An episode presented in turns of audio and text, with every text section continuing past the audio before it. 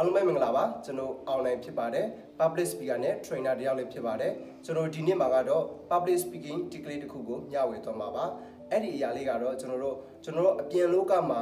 လူတိုင်းလူလိုတွေ့ဖူးတဲ့အရာလေးတစ်ခုဖြစ်တယ်ပေါ့နော်အဲ့ဒါကတော့ပုဂ္ဂလန်ပြောတတ်တဲ့လူတွေစက်ကြံဖက်ပြောတတ်တဲ့လူတွေနဲ့စကားပြောတဲ့အခါမှာပေါ့နော်ကျွန်တော်တို့ခိုက်ရင်မဖြစ်ပွားအောင်ပြီးတော့ကျွန်တော်တို့ပြောနေတဲ့စကားဝိုင်းရဲ့ရည်ရွယ်ချက်မပြတ်သွားအောင် ကျွန်တော်တို့ဘာတွေလုပ်ရမလဲဆိုတာကို share လုပ်ပေးသွားမှာပါအဲ့တော့ပုဂ္ဂလန်ပြောတတ်တဲ့လူတွေကဒီစက်ကြံဖက်ပြောတတ်တဲ့လူတွေကသူတို့ရဲ့ personality ပါကျွန်တော်တို့ထိခိုက်လို့လို့ပြောတဲ့စကားမဟုတ်ဘူးဆိုတာကိုကျွန်တော်တို့အရင်ဆုံးသိရပါမယ်အဲ့ဒီဟာကိုမသိပေနဲ့သူတို့ဘုတ်ကလန်ပြောတဲ့အခါသူတို့စင်ကြံဘက်တွေပြောတဲ့အခါမှာကျွန်တော်တို့တွေက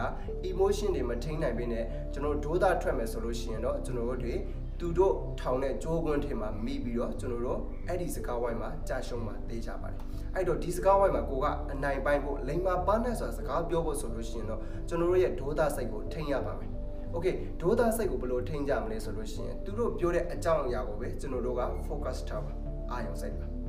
အဲ့လိုမျိုးမဟုတ်ဘဲနဲ့သူတို့ငါ့ကိုမုန်းလို့သူတို့ငါစကားကိုဖျက်မှာဆိုပြီးတော့ပုံစံမျိုးနဲ့ဒေါသထွက်ပြီးတော့နားထောင်နေမယ်ဆိုလို့ရှိရင်တော့အဲ့ဒီဒေါသက အញ្ញမ်းကြီးကိုရောက်ပြီးတော့ပေါ့နော်ခိုက်ရင်ဖြစ်ပွားတဲ့အထိကျွန်တော်ဖြစ်ပေါ်ပါနိုင်